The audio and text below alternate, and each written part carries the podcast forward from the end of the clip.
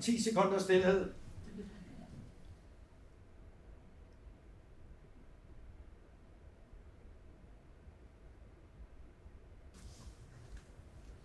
Se, nu går tæppet op. Alt er lysende klart. Du står på egne ben nu. Alt er såre godt. Rejsen har intet mål. Vær blot her nu. Blodets budskab rejser med sjælen. Dagen din kommer før eller siden. Det bliver din skønneste tid. Din skønneste tid. Verden kalder på dig nu. Historien løber dig i møde, du. Giv, hvad du har. Visdom i hjertet. 10 sekunder stillhed for alt det smukke, vi kunne gøre. 10 sekunder stillhed for et jordskæld, der kunne vække mig og bringe mig til live. 10 sekunder stillhed. Tak fordi I måtte komme.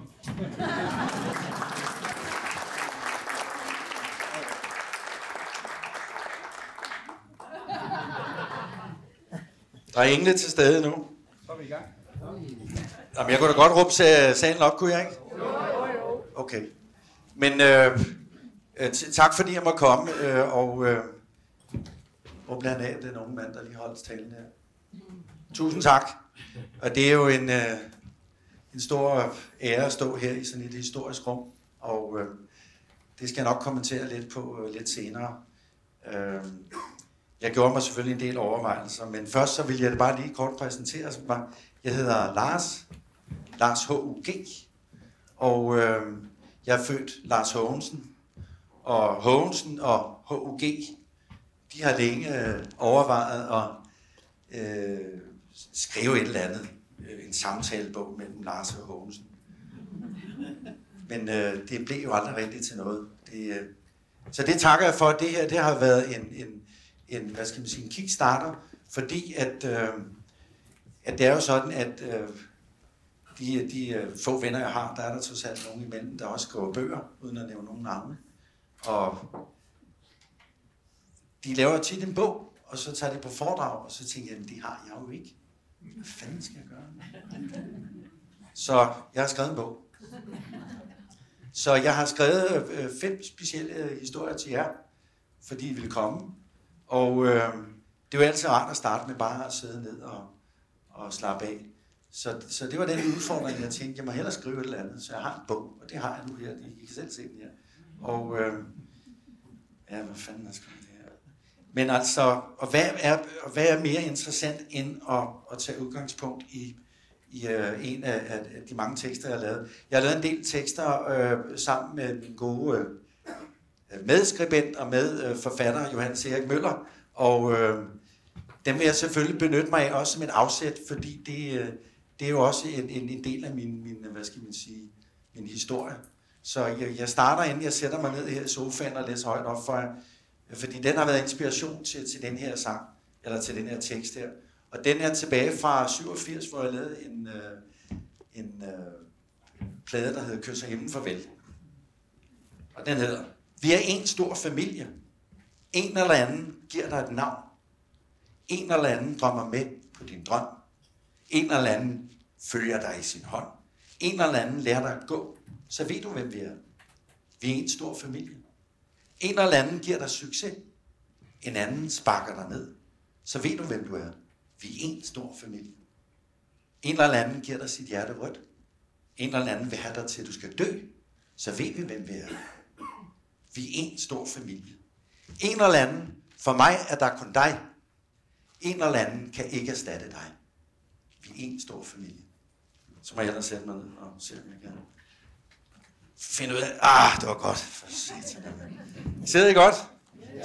Jeg tror lige, jeg skal huske noget her, fordi at, øh, jeg har jo ikke spurgt ad, men altså brandvæs mig her og der. Så tænder vi altså lige et lys her. Er det ikke meget godt? Og så stiller vi også vægguer. Jeg har købt to vægguer. Jeg bliver selvfølgelig nødt til at male på dem. Det ene, det står, sætter vi til 50. Så skulle ikke være godt hårdkogt. Og så den anden her, den bruger jeg ind imellem, når jeg lige skal skære nogle mellemtider. Er det i orden? Og det, det, det, du er ikke, det generer dig ikke med at tænke rent her. Du bare kigge her, hvis det er. Ikke? Og så var der noget med en vand. Hvor fanden blev den af? Er det min, der står der? Thank you, Tom. Nå, og så kan I bare lukke øjnene og slappe af. Øhm, så skal vi have oplæsning her fra Lars Hugs og Hågensens samtalebog. Et liv med Lars Hug. Gud fader bevares. Hvor mange sider er den på? Det kan jeg ikke læse her. Nå, er I klar? Ja, tak. Vi er en stor familie. En skønne dag, hvor fuglens flugt fortegner sig som striber til forveksling dine ord. Alle dem, vi ikke fik sagt. En skønne dag, når billedet står så skarpt, at vi kan se, at stjernerne forener sig, svinger, synger samme sang. Algerne efterlod ingen fodspor i himlen, ligesom alle de andre fugle heller ikke gjorde. Men en eller anden var givet et navn. Alge, og på latin, det er svært at udtale. Der er sikkert en her, der kan sige det bedre. Corvus monodulo, eller monodula. Almindelig ynglefugl, 35 cm, nem at kende, askegrå, nakkefjer, pattegrå øjne, udbredt næsten overalt i Europa. Den lever mest af insekter og korn, yngler i småkolonier, huler, skovsten. Fra april til maj lægger den 6-8 grågrønne æg. Algen er karakteristisk for alle danske provinsbyer, inklusiv den provinsby, jeg vågnede op i og, hvor, og blev født i. Sorgenfri, forstad til København. Algen er ikke troet af udryddelse. Ikke endnu. Algerne fløjt hen over himlen i pænt store flok. Indimellem lidt tilfældigt. Den vej vinden bærer os, kunne man tydeligt høre, det jublede. Andre gange virkelig godt. For pludselig med et, så kunne den flagrende flok forvandle sig til en stor, en stor sammenhængende krop. Nu som en stor samlet fugl. De overgav sig til noget, der var meget større end dem selv. Den enkelte fugl var både inde i sig selv og uden for sig selv på en og samme tid. To steder på en gang. Det kan jeg da også. Jeg var to steder, før jeg blev født. Jeg fandt mig både inde i min mors mave, og i min fars pung. Faktisk blev jeg også skabt, før min mor blev født. Mm-hmm. Det havde min mor mig selv vist mig en bog. Min elskede grammer. For det æg, der præcis blev udvalgt til at skulle være mig, det befandt sig allerede inde i min egen mor, da hun var et fem uger gammelt lille babyfoster. Og stadig både inde i min mor, hvor vores grammers mave, to steder på en gang. Hmm. Det er til at blive helt svimmel over. Hånsen og Hug. Det er et hemmeligt indianertræk, det der man kunne være to steder på en gang. Lars, lille Lars, kiggede op på fugleflokken. Sikke en fornemmelse det må være. Et billede strejfede bag hans øjenlåg. Tænk sig, hvis mennesket kunne gøre det samme.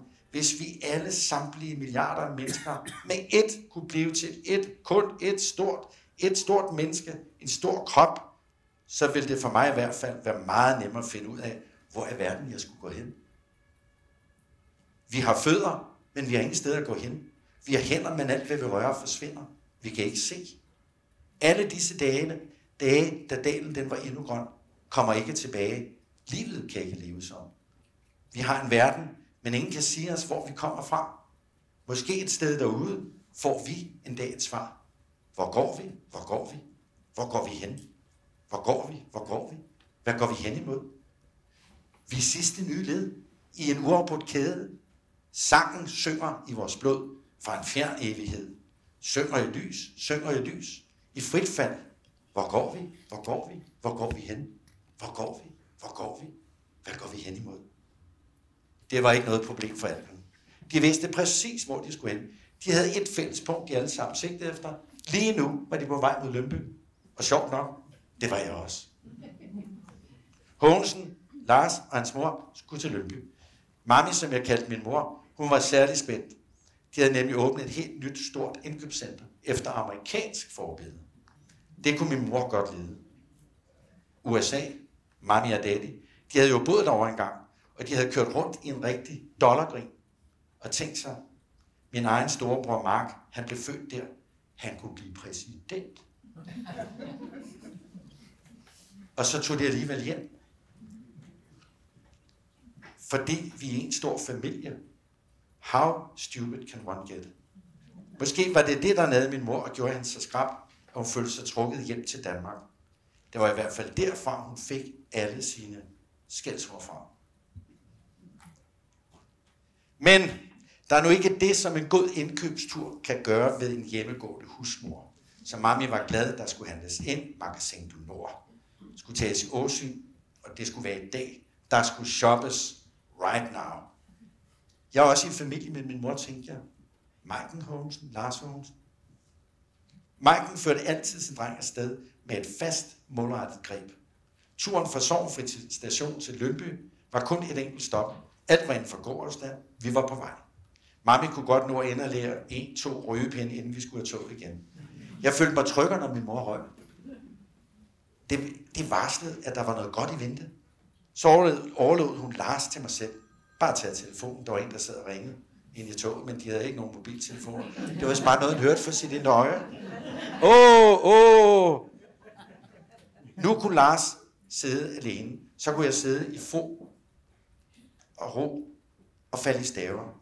Et kort sekund, 10 sekunder, det kunne jeg godt bruge. For ikke at tale om min far, min stakkels far. For ham var fred og ro måske en endnu større mangelvare.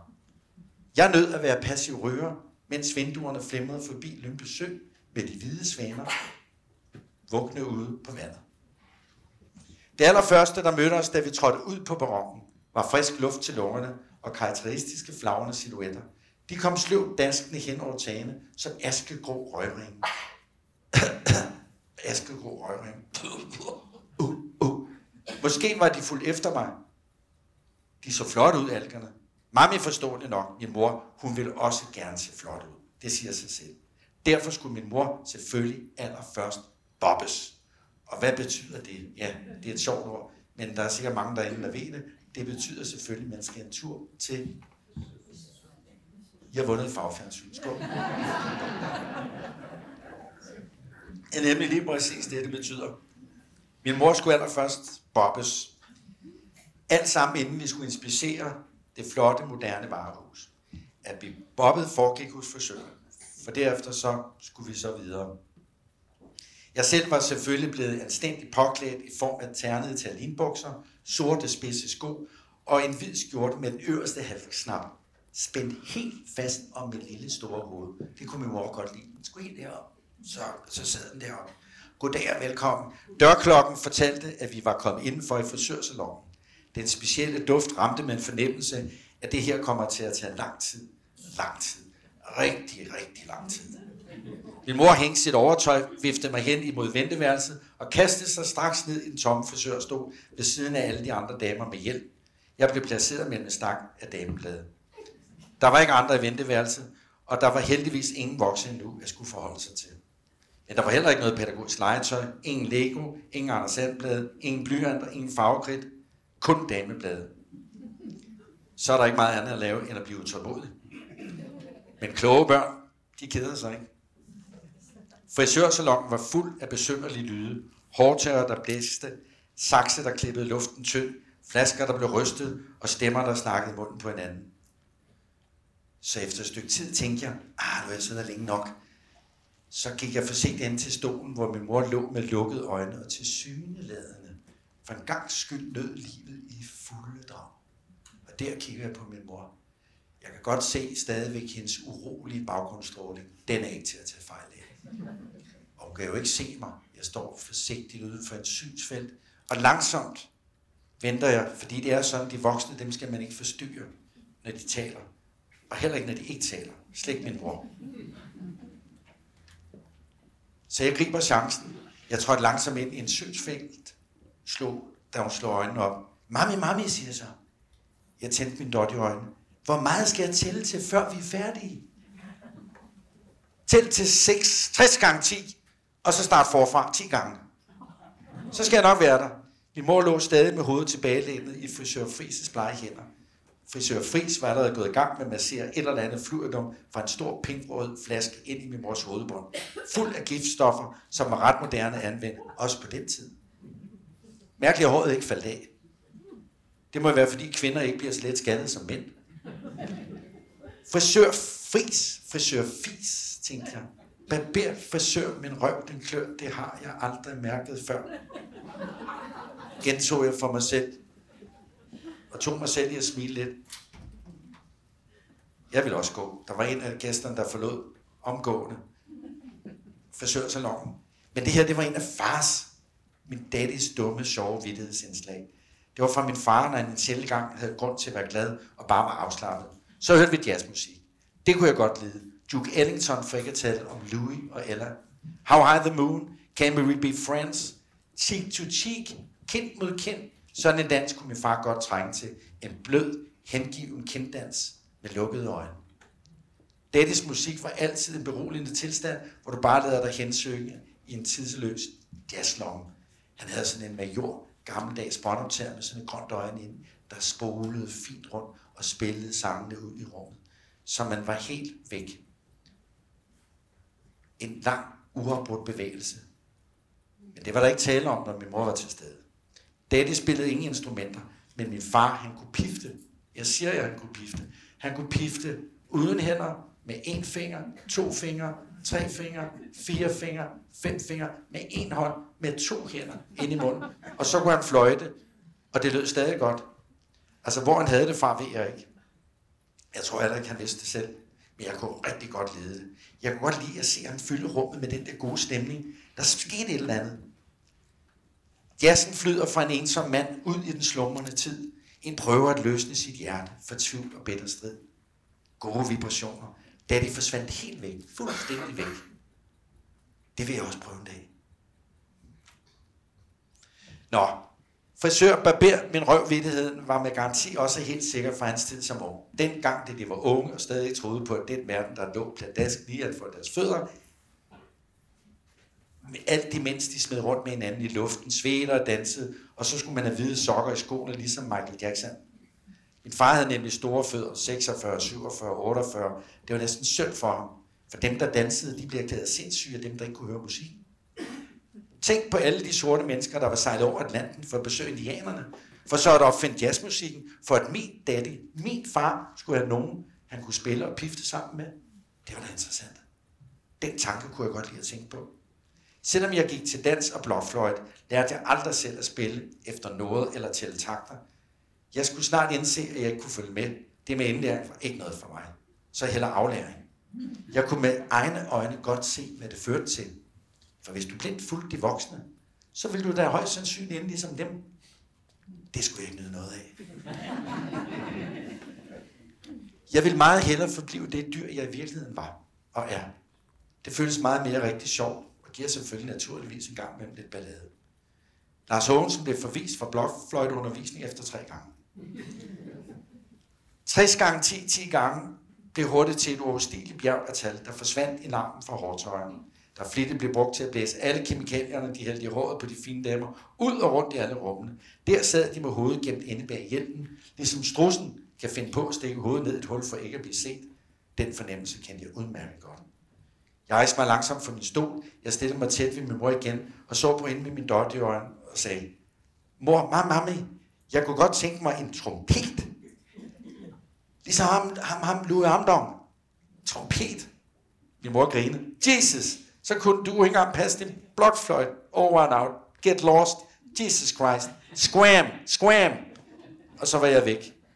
Der var nok en god grund til, at jeg ikke skulle have trompet eller blokfløjt. Tiden var også blevet en helt anden. Der var ikke længere så meget plads til den slags ting. Gitaren var kommet for at blive, vel at mærke, den elektriske guitar. De elektriske guitarer de blev kastet ud over Europas byer som nødhjælpsrationer til nødlidende ungdom. En generation af unge mennesker, der havde fået øjnene op, for der var et eller andet galt. Der var i hvert fald noget, der manglede, eller noget, der var blevet glemt.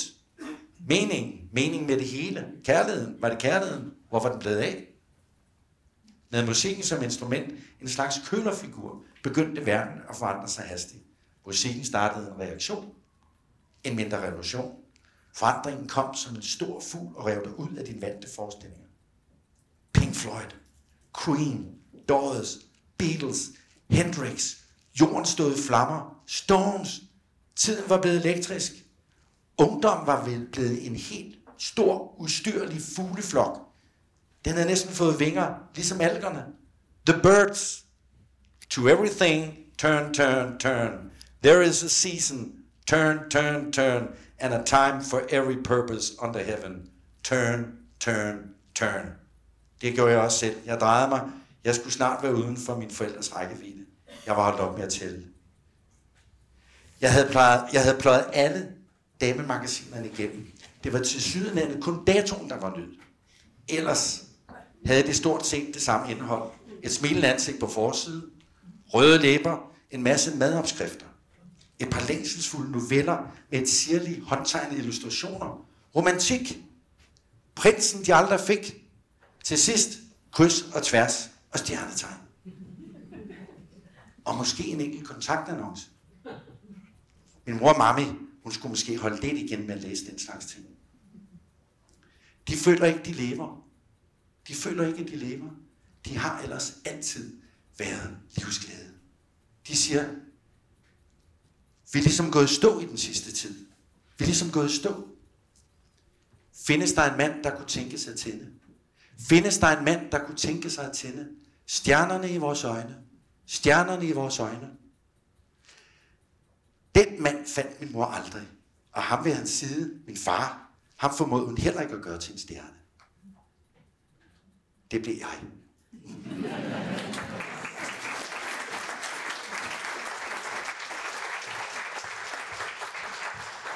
Tusind, tusind tak. Og øh, nu sad jeg lige så godt der, men nu skal jeg lige op og, og, og ryste benene. Øh, jeg vil godt sige tusind tak endnu en gang, fordi at... Øh, og, og jeg har jo spillet, jeg har holdt foredrag før. Jeg har det lidt sådan, da jeg skulle herned. Og det er jo lidt sjovt, fordi jeg har spillet, jeg tror, 13 gange på Roskilde Festivalen. Og, og så jeg har jo egentlig undret mig meget over, hvad, hvad, er, det, hvad er det for noget, der gør, at, at, øh, at, at det egentlig øh, øh føles så, så grænseoverskridende. Jeg bliver virkelig bragt ud af min comfort zone. Og øh, øh, ja, det vil jeg godt sige tak for. Og, og øh, fordi det, øh, det, det der, der er to aspekter i det. Det ene, det er jo så det der med, at, at jeg skal trænge tilbage i min barndom, og selvfølgelig kan jeg da godt huske øh, de her ting, men når man går helt ind i dem, så skal man jo helt ind, og så tænker man, okay, jeg forstår sgu godt, du er blevet sådan en nerd der med det der, der okay.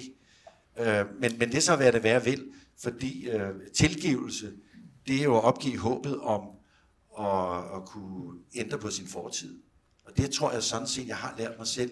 Så det har jeg jo også lavet i, i den kærlighed, man har til sine forældre, fordi uden dem, så stod man ikke her og spillede idiot. Så, så det er ikke det, men, men der er noget, noget, der sker et eller andet der. Og så tror jeg, at det værste, det var, at jeg skulle ind i det her hus, Grundvis hus. Altså, Gud. Altså, det, det var alle de lærte, kommer. Og så er fodsporet på Kløvedal, og, jamen, altså, og Peter Bastian, som var min nære ven, som desværre ikke er her i dag. Jeg tænkte, jamen altså, jeg har ikke kunne sove. Jeg, siger, I forgårs sad jeg arbejdet til klokken halv otte om morgenen, ikke?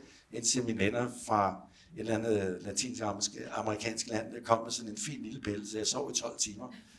Øh, så hvis jeg, og det er ikke, det, jeg er ikke på dum, jeg tager ikke dum, så bare roligt. Øh, til gengæld drikker jeg vand. Skål, godt at se jer. Du kan godt lige skåle her, hvis I, der er også bar derude, hvis I skal lige ud og tisse. Men det der med at skulle tilbage til fortiden, det var så et, men jeg tror, det der med at få den der udfordring i forhold til at skulle, øh, øh skulle øh, altså den, den, den, øh, jeg ved ikke om det er en akademisk udfordring, men der er jo et eller andet med at skulle holde foredrag. Og, og så i sådan et, et sted her, så skulle jeg holde fem foredrag. Det vil sige, der er jo ikke noget, og I må bære over mig, hvis jeg gentager mig selv, det kommer jeg nok til. Men det er jo, det er også det, det er jo en stor portion at lave fem fornavn, som skal være forskellige. Øhm, så nu skal jeg ikke gå i detaljer om, om, om øh, hvad jeg egentlig så har gået skrublet over. Men jeg har stakkevis alle mulige ting. Og det, jeg egentlig vil dele med jer, det er det der med, at jeg går ud af skolen som 18-årig. Og, øh, og jeg har skrevet nogle punkter ned her, som jeg gerne vil have, at vi skulle nå inden. Og nu ved jeg, at vi skal lige have en mellemtid. Hvad er klokken? Der er en halv time nu. Og fordi jeg har skrevet nogle punkter ned her, som jeg, jeg meget gerne vil, vil se, om jeg kan nå at dele med jer. Og øh, nu skal jeg bare lige ned. Det er lige så meget for min egen skyld, for at se, om jeg kan huske den. Og se, om jeg stadig kan stave.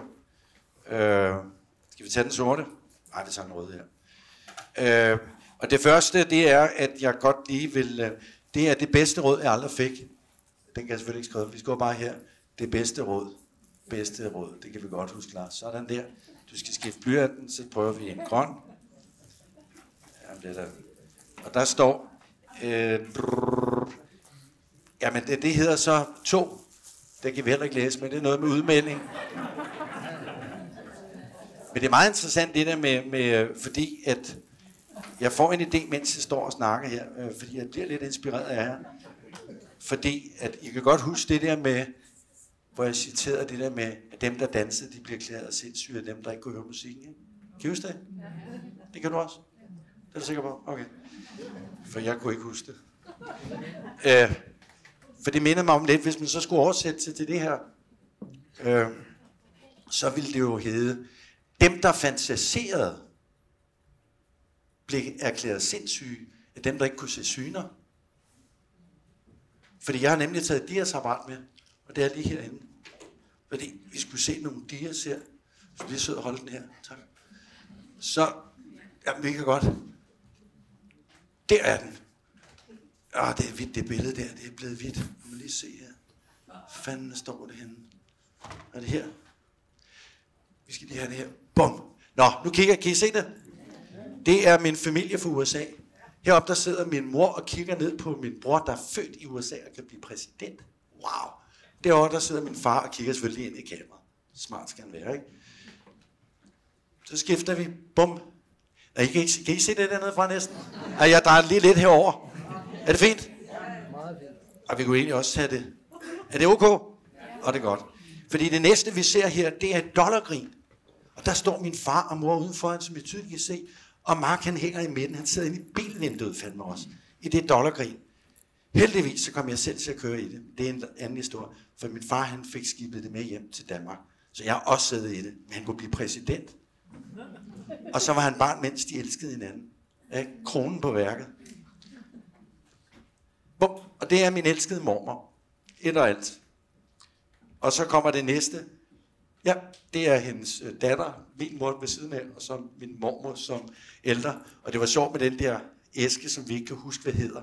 Som der er sikkert nogen, er nogen, der kan mærke, hvad jeg tænker på. Den, tæt på. Men de der dukker, der findes inde i hinanden. Ja, babushka. Ikke? Altså, det er jo da lidt interessant, det der med, at, at jeg, øh, jeg på en eller anden måde blev skabt, før min mor blev født. Det synes jeg var da interessant. Det bliver ligesom sådan en babushka dukkeæske, ikke? Der var en, der festen ind. Det var godt. Og du kan stadig se billedet. Hvad, hvad, fortæl mig lige, hvad, der, øh, hvad er det for et billede, vi kigger på. Ja, det er nemlig rigtigt. Det er lige præcis rigtigt. Det er nemlig stadig min mor og min mormor. Og så får vi det hen til at, hvad hedder det, øhm, af min far, da han var lille. Han står og spiller stangtennis med sådan nogle fine bukser herop. Altså han spiller stangtennis, men er klædt på, som om han skulle ja, være på forsiden af Euroman. Og så tager vi lige det sidste billede. Det er lille Lars. Han er ikke sød. Han sidder med skjorten helt herop. Knappen. Hågensen, ja, hvad siger du? Okay, øh, jeg tror til, at vi lige skal, vi skal lige have, have hvad hedder, renset luften. Øh, jeg skal bruge den der remote her. Øh, jeg tror lige tid til at rense luften. Det tager et sekund. Så skal vi se, om den virker her. Er I klar? Stiller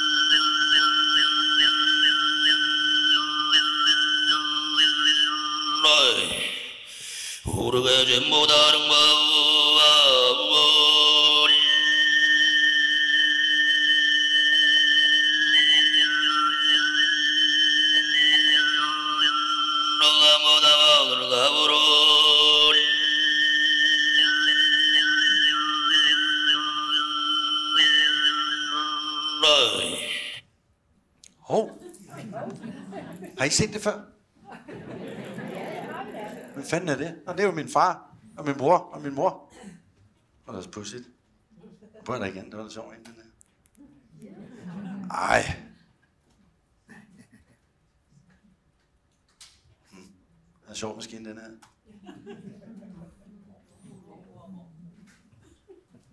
Den er med grøn. Og det er så min mor og min mormor. Tænk sig jeg Jamen altså, det, det er så vild en historie.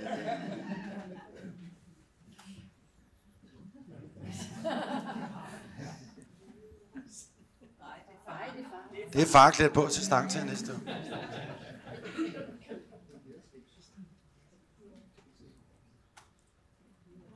Nå. Nå. Product placement. Ja, det var da pudsigt. Nå, fred med det. Øh, det var bare lidt indslag. Øh, jeg fik skrevet ned her, og dem, der ikke kan læse det, der står der, at det ene, det er det bedste råd, jeg aldrig fik. Og så to, det var noget med indlæring, aflæring. Og så vil jeg gerne øh, snakke om noget, jeg kalder drømmen er slut. Og så skal vi nå til en tur til øh, lige at se nogle billeder. Jeg har en, øh, en øh, der skulle ligge en, en sang, fordi vi har også urpremiere i dag. Jeg skal øh, spille en, en optagelse fra det allerførste musik, jeg nogensinde har lavet, som jeg glæder mig til at spille for jer. Jeg kom ind i et orkester, rent tilfældigt, ligesom alt andet. Og øh, det hedder Friends and Lovers. Og øh, det vender vi lige tilbage til. Og så skal vi gerne til sidst selvfølgelig en tur nå lige at tage hul på Aarhus. Så er I klar til at komme til Aarhus næste gang vi ses, hvis I ved, hvad det er for en by. Øh, men lad os starte med det bedste råd, jeg aldrig fik. Det er jo sådan, at man tit bliver spurgt, øh, så skal man nævne sin yndlingsret. Det er selvfølgelig buffet. Så skal man nævne, øh, så skal man nævne sin yndlingsvin. Øh, øh, vin. det er selvfølgelig al, al libitum. Og så skal man komme med, hvad det bedste råd, du har fået. Og jeg, jeg kan ikke huske det bedste råd, jeg har fået. Men det, der var interessant, det var noget, jeg var vidne til. Og det er min bror, som jo er født i USA, og han, øh, han kommer hjem, han havde godt nok mødt en, en, en sød pige fra Sydafrika, og, og det var da rigtig fint. Og han er vel øh, 18 år. Og øh, så sidder vi hjemme ved spisebordet. Han, hun er så ikke med der, og min mor har lavet noget, øh, en eller anden amerikansk, vi får garanteret noget, enten sparrows, eller vi får noget, en anden stik med noget hvid stressing og nogle hjemmelavede pomfritter til osv. Ikke? Og alt er bare godt. Og så siger min bror, som jo er fuldstændig modsat mig, han er, han er øh, flematiker og taler altid sødt og afdæmpet, og han er fuldstændig i send. Han, øh, han siger sådan helt stille og roligt, jamen han vil bare lige øh, sige øh, for god skyld, at han var blevet gift. What? Så startede min mor jo med at, jamen altså, hun fløj hele vejen rundt. Øh, og så begyndte hun selvfølgelig at tude, det er klart.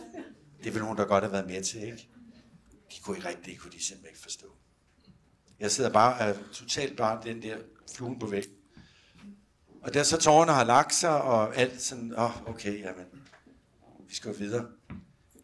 Ja, så flytter jeg til Sydafrika om tre måneder. Så starter hun med at tude. Det vil ingen ende tage. Og min, øh, ja, min bror, han gjorde alvor af det. Og jeg sad der og tænkte, hold kæft mand, så forlader han mig i det her. Skal jeg så overtage dødsboet her? Fordi det levede som hund og kat. Men min bror havde jo altid, øh, altså han gik altid udenom, fordi han var fra den gode tid. Så det var selvfølgelig mig og min far, der tog øh, skrammerne. Det kom der sådan noget god musik ud af, så tak for det. Øh, så det var bare lige den historie, jeg vil dele med jer, fordi det er jo sådan noget, man, man, man måske reflekterer over senere hen.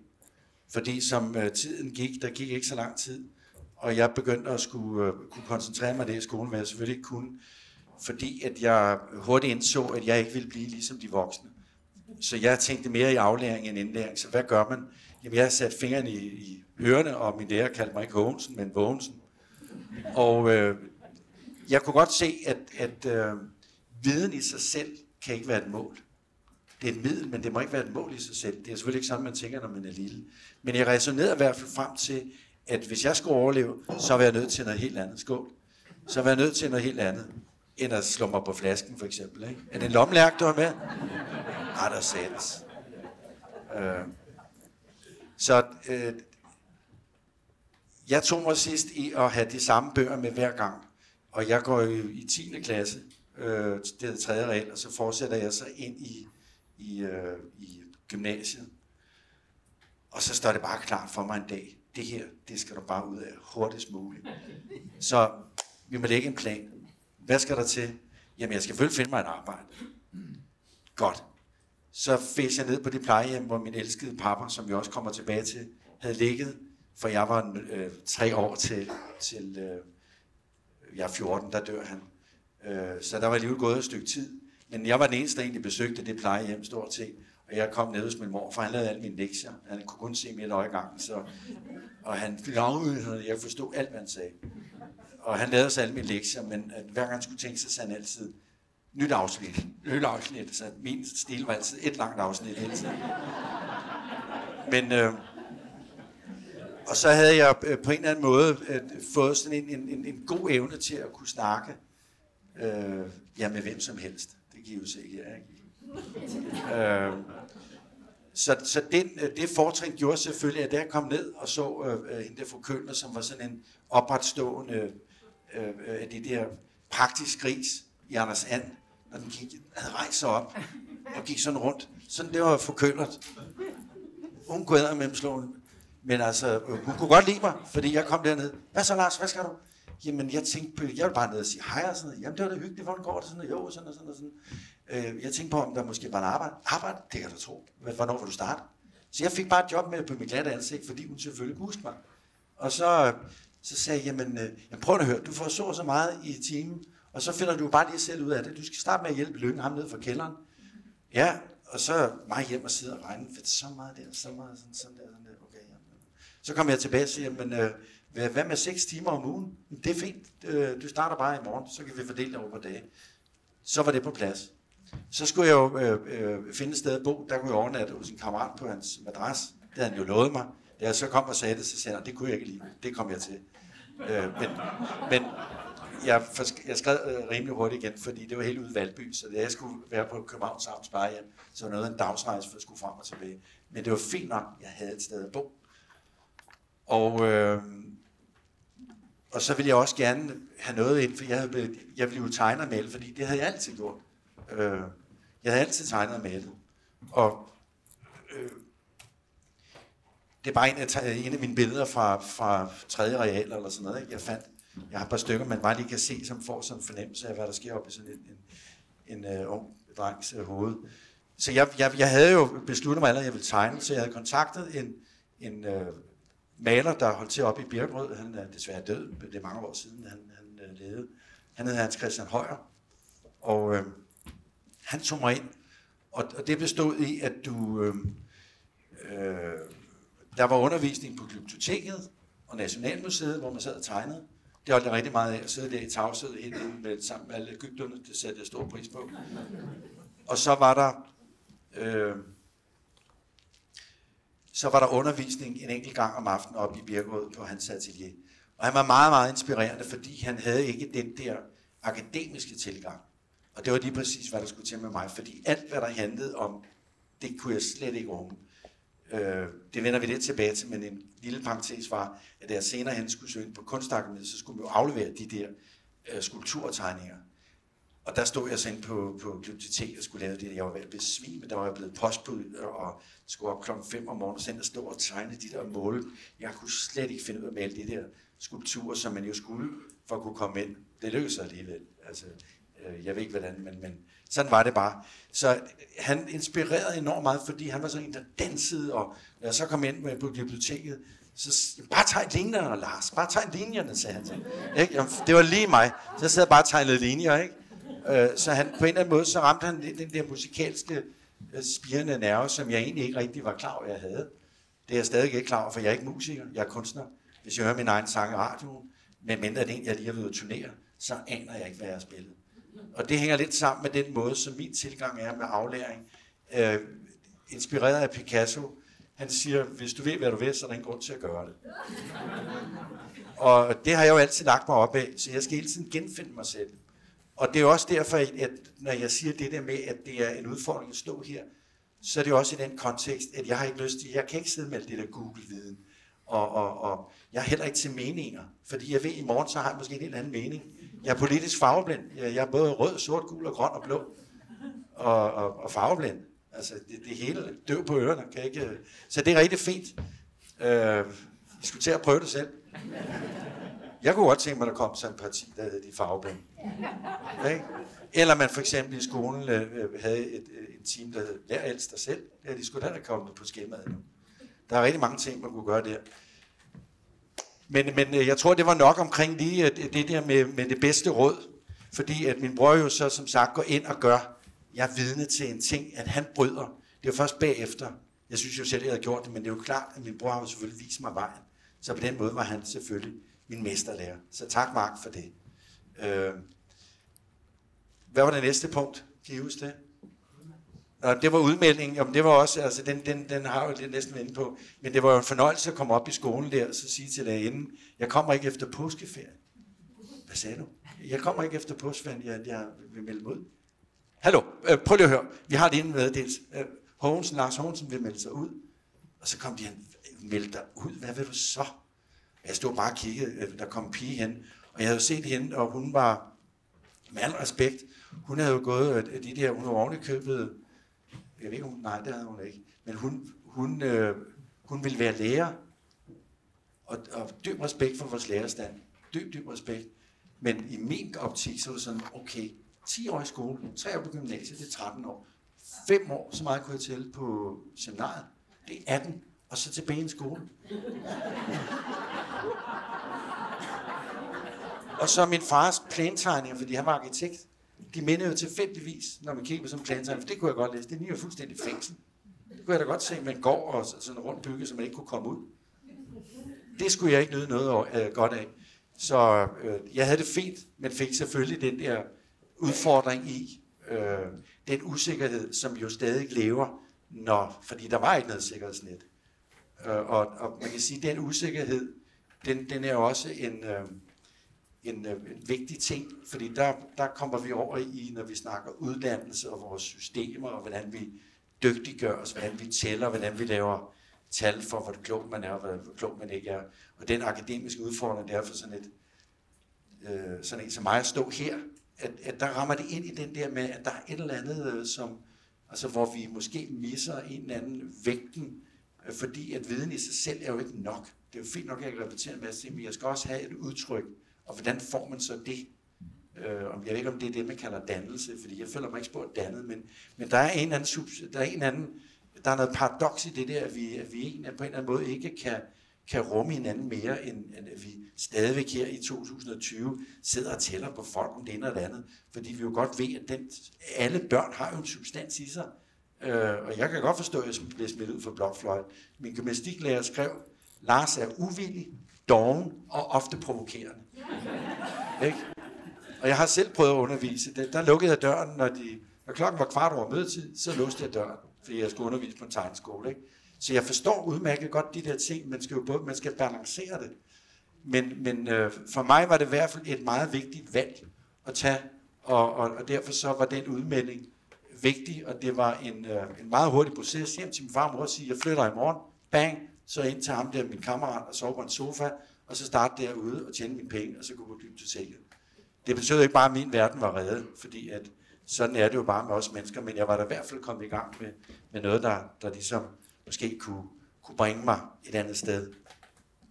Og den sidste krølle, jeg vil gøre, som jo handler lidt om, jo, du kan godt sætte dig ned, Lars, så, øh, det er øh, en, en, en, en erindring, jeg har, der jeg sidder, fordi min far siger til, til mig til sidst, ved du hvad, Lars, ham der kunstpædagogen, Eisenstein, skulle vi ikke lade ham se på dine ting? Så kan han ligesom, altså, så kunne han da se, om det var noget, eller om du kan, øh, øh, øh, altså, om du kan blive, altså, om du kan gøre til noget, om du måske også kan tjene nogle penge og leve af det, og sådan noget, ikke? Og, og den røg jo ind, og, og, og sådan er det jo med alle de ting, de, de, de skulle lige bearbejdes. Og jeg var så en tur nede i min elskede Aarhus, og sidder der, og så kom det jo bare sådan noget, jamen, det er fint nok. Det har jo intet med mig at gøre, det der. Jeg gør det, fordi jeg, jeg, jeg vil. Det er nødvendighed. Så derfor var det ikke nogen, øh, det var ikke et vigtigt instrument at veje det. Og derfor så bliver dygtigheden jo også en, en, en sjov måde at ligesom at skulle vægte på. Altså der er et eller andet, vi, vi, vi, vi glemmer. Og den kommer så igen på kunstakademiet, hvor at man må indrømme, at, at, at der havde vi en undervisningsform, hvor man ligesom kom til at uhensigtsmæssigt at blande håndværk, øh, altså ikke blande, men, men, men håndværket, det var ligesom et parameter for, hvordan man vurderede, om man var god eller ej. Jeg siger ikke, at man ikke skal kunne et håndværk nødvendigvis, men fordi jeg er god til at spille guitar og læse noder, så behøver det ikke nødvendigvis være værd at lytte på. Og, og, og der ligger sådan en tendens til, at vi ligesom øh, legitimerer, at Nå, jamen, han er bare enormt dygtig. Jamen til hvad? Jamen til at kunne, kunne benytte sig af håndværket. Og det er ikke for at desavouere håndværket, fordi håndværket er enormt vigtigt. Men i særdeleshed, hvis man, man øh, lad os tage for eksempel Michael Kvirum, som maler, han benytter sig decideret af et håndværk for at kunne lave, men han har til gengæld også et udtryk. Så jeg ved ikke, om I forstår, hvad jeg mener. Jeg oplever i hvert fald bare, at der er et paradoks der, og som man egentlig godt kunne give en tanke i forhold til, hvordan vi egentlig øh, spiller bold med vores, vores øh, folk omkring os. Ikke? Fordi når man sidder her, øh, så er det jo også et, et, øh, en, en, en rigtig spændende opgave at få lagt på sig, fordi at vi jo, når alt kommer til alt, er en del af en fælles historie. Nu ser vi bare lige hurtigt nogle billeder. De er alle sammen fra min, øh, min spæde ungdom, ikke?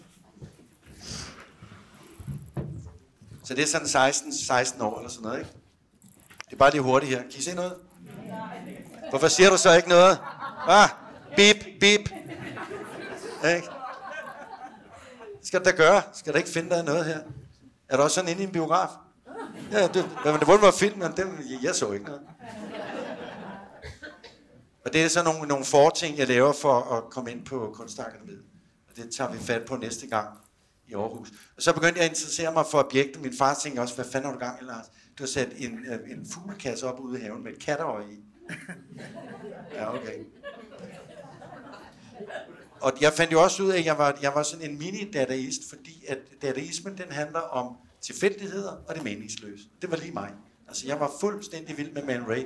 Den der, den lavede jeg i Hellerup, den jeg flytter til... Og, og, og så snakkede jeg om miljø, ikke? Som om, at, at miljøet er blevet bedre, eller som om, vi ikke var klar over det dengang. Det er jo skidehammerende giftigt. Ikke? Så begyndte jeg at male på objekter, og øh, min sardindåse op og putte min mælk.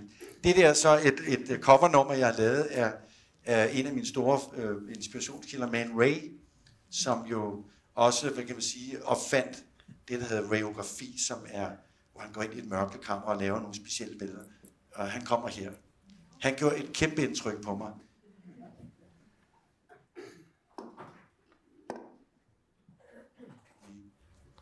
Det er du kamp. Ikke? Han ligner jo fandme en punker. Det er fra 21. Det der billede gjorde også stort indtryk på mig her. For ikke at tale om det der. 21. 1921. Så begyndte jeg at spille trommer, det kunne jeg slet ikke finde ud af. Så blev jeg lidt langhår. Det kunne jeg heller ikke finde ud af. Det klippede jeg hurtigt af. Ikke? Der begynder man sådan at se sådan, ja, han tror, at han er kunstner ham der, ikke? Jeg blev optaget af det orkester, han, han mente, jeg kunne synge, fordi han havde hørt mig synge, for jeg sang jo altid for jeg var lille, alle de der sange, og, og sang for overdøve min mor, og, og det tænker jeg ikke over, men han kom med ned i orkester. Inden jeg så ham op, så stod jeg inde i et studie, og så lærte jeg doble og alt muligt. Og det er noget, der hedder Werner Studie, og øh, det hedder Friends and Lovers. Jeg slukker den, vi når ikke at høre den hele.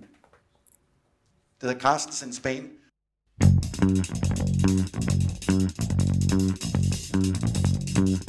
I've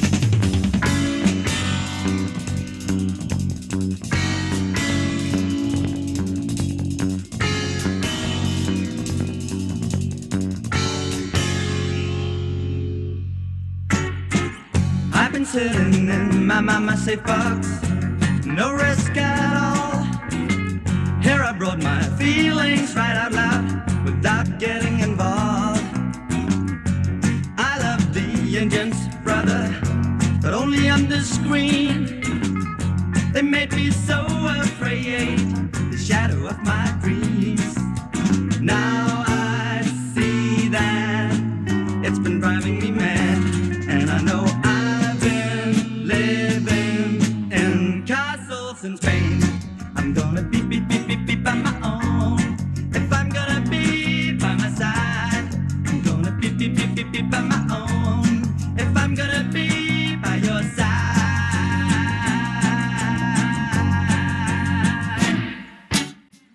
Yes. Tak. Thank you, the friends and lovers. Ja, og de har alle sammen skovsnegl stort set. Øh, øh, og jeg havde også, øh, øh, hvem fanden er det nu egentlig er, men øh, de påstår, at det er mig, der sidder allerforrest der. Øh, typisk mig sidder ned, mens jeg andre skal stå op. Øh. Og så er vi bare lige inde på Glyptoteket, der faldt jeg over min ibisfugl. Den sad jeg og kiggede på i 100 år. Jeg var vild med fugle. Det er bare nogle tegninger, jeg fandt frem, de er fra 73. Og så lavede jeg trykke af den, det var også sjovt. Og den endte jo med at blive sådan en blanding af et hagekors og, og, og hvad hedder det, hammer og sejl. Det var heller ikke tosset. Der var ingen af dem, der blev til noget. Og så vil jeg jo egentlig have spillet den her føjer, øh, som er til at gå ud på, fordi at den øh, betyder enormt meget for mig. Så den håber jeg, vi kan nå. At, at det er en... Øh, og så vil jeg sige tak for i aften, for efter det her, så tror jeg ikke, jeg vil sige så meget mere. Øh, jeg sidder, øh, jeg er 17 år, og så kommer øh, en plade ud, det er John Lennons første soloalbum, som hedder noget med, med Plastic Yoko Ono Band. Og øh, jeg var jo totalt Beatles-fan, øh, og i og med, at min bror havde forladt mig, og jeg sad der alene, det eneste, jeg begyndte sådan at fornemme, at jeg havde nogle af de der øh, musik idoler at se op til. Og, og, og John Lennon, han var altså min præsident. Han, han var min. Øh, jeg synes, han var bare så fed i Beatles. Og, og, og, og så kommer der så den sang, hvor han, han fortæller, og nu kan I høre det, nu er det selvfølgelig på engelsk, og vi har formået at stort set, vi alle sammen kan engelsk i dag. Men det han går ind og synger, det er, det er en sang, der hedder God. Og så fortæller han lidt om, hvad, hvad Gud er, det, det skal jeg komme nærmere ind på. Så kører han over i sådan en lang, repeterende ting. Jeg tror ikke på, og så kommer det bare. Jeg tror ikke på øh, Buddha, jeg tror ikke på yoga, jeg tror ikke på Mette Frederiksen, jeg tror ikke på Lars Hug, jeg tror ikke på, på øh, Grundtvig, jeg tror ikke på... Han tror ikke på noget som helst. Og han bliver ved og ved, og ender så op med, at han tror ikke på Kennedy, som jo stadigvæk, han troede ikke på, på øh, Kings, altså på konger, Elvis Presley. Han tror heller ikke på Bob Dylan. Og så kommer det, yes, præcis, boom, som sådan stød. Jeg tror ikke på Beatles. The dream is over. Så siger han, I was the walrus. Den valros, der I'm the walrus. But now I'm John. Uh, I was the dream weaver. Drømmevæveren. But now I'm reborn. So my dear friends, you just have to carry on. The dream is over. Dead on arrival.